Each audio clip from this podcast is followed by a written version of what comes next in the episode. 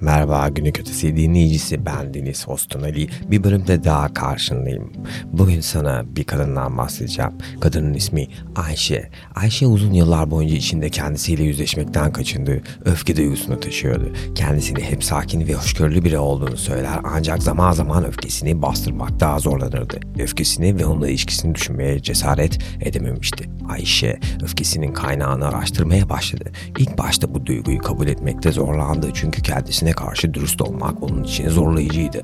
Ancak zamanla öfkenin hayal kırıklığı yaşadı ve kendisiyle ilgili baskı hissettiği durumlarda ortaya çıktığını fark etti. Öfkesinin altında kendine duyduğu saygı ve değeri korumaya yönelik güçlü bir istek olduğunu gördü. Öfkesini daha yapıcı bir şekilde ifade etmeyi, ihtiyaçlarını dile getirmeyi öğrendi. Gölgesini kabul etmeye başladıkça içsel dönüşümü gerçekleşmeye başladı.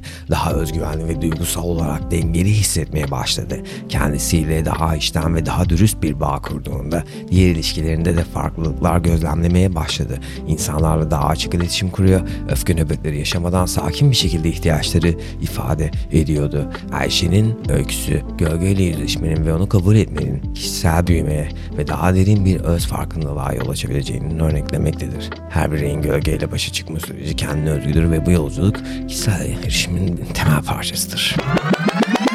Sen gölgeni keşfederken öfken vücut bulduğunda o zaman ne yapıyorsun peki? Çünkü orada bir savaş oluyor. İçinden şöyle söyleyen bir şey var.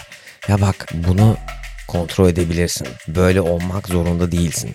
Ama işte ele geçiriyor yani. Onu kontrol etmek çok zor bir şey. Onu dizginlemek vahşi bir köpek gibi çünkü içinden saldırıyor. Ağzından salyaları fışkırtıp böyle dişleri falan. Zor, zorlu bir rakip. Bu yüzden çok daha fazla çalışmak lazım.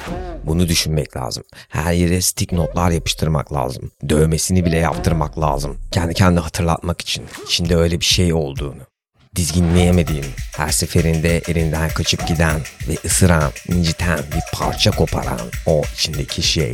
Yani burada kimse bunu hakaret olarak algılamasın. Bu bir hakaret değil, bu doğamızda olan bir şey ama biz bilinçli varlıklar olduğumuz için buna engel olabilmek de yine bizim elimizde. Sadece bu çok zor.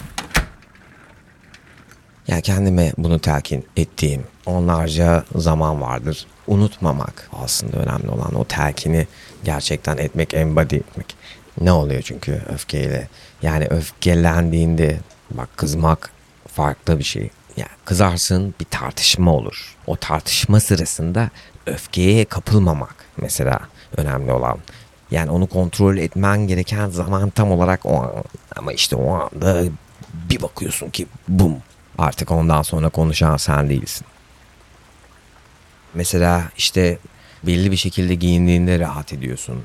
Saçını belli bir şekilde yapıyorsun ya da ne bileyim tıraş oluyorsun. Yani dışarıya yansıttığın şey tamamen fiziksel baktığında senin güzel, bakımlı saçın ya da işte sakalsız suratın ya da işte sakallı suratın yani dişi erkek. Yani aslında bir tercih yapıyorsun. Belli bir şekli tercih ediyorsun. Aynı şekilde bir şeye nasıl tepki verdiğini tercih edebilirsin. Ama işte bu o kadar kolay değil. Yani burada çünkü kendinle çok ciddi bir mücadeleden bahsediyoruz. Ve rakip güçlü.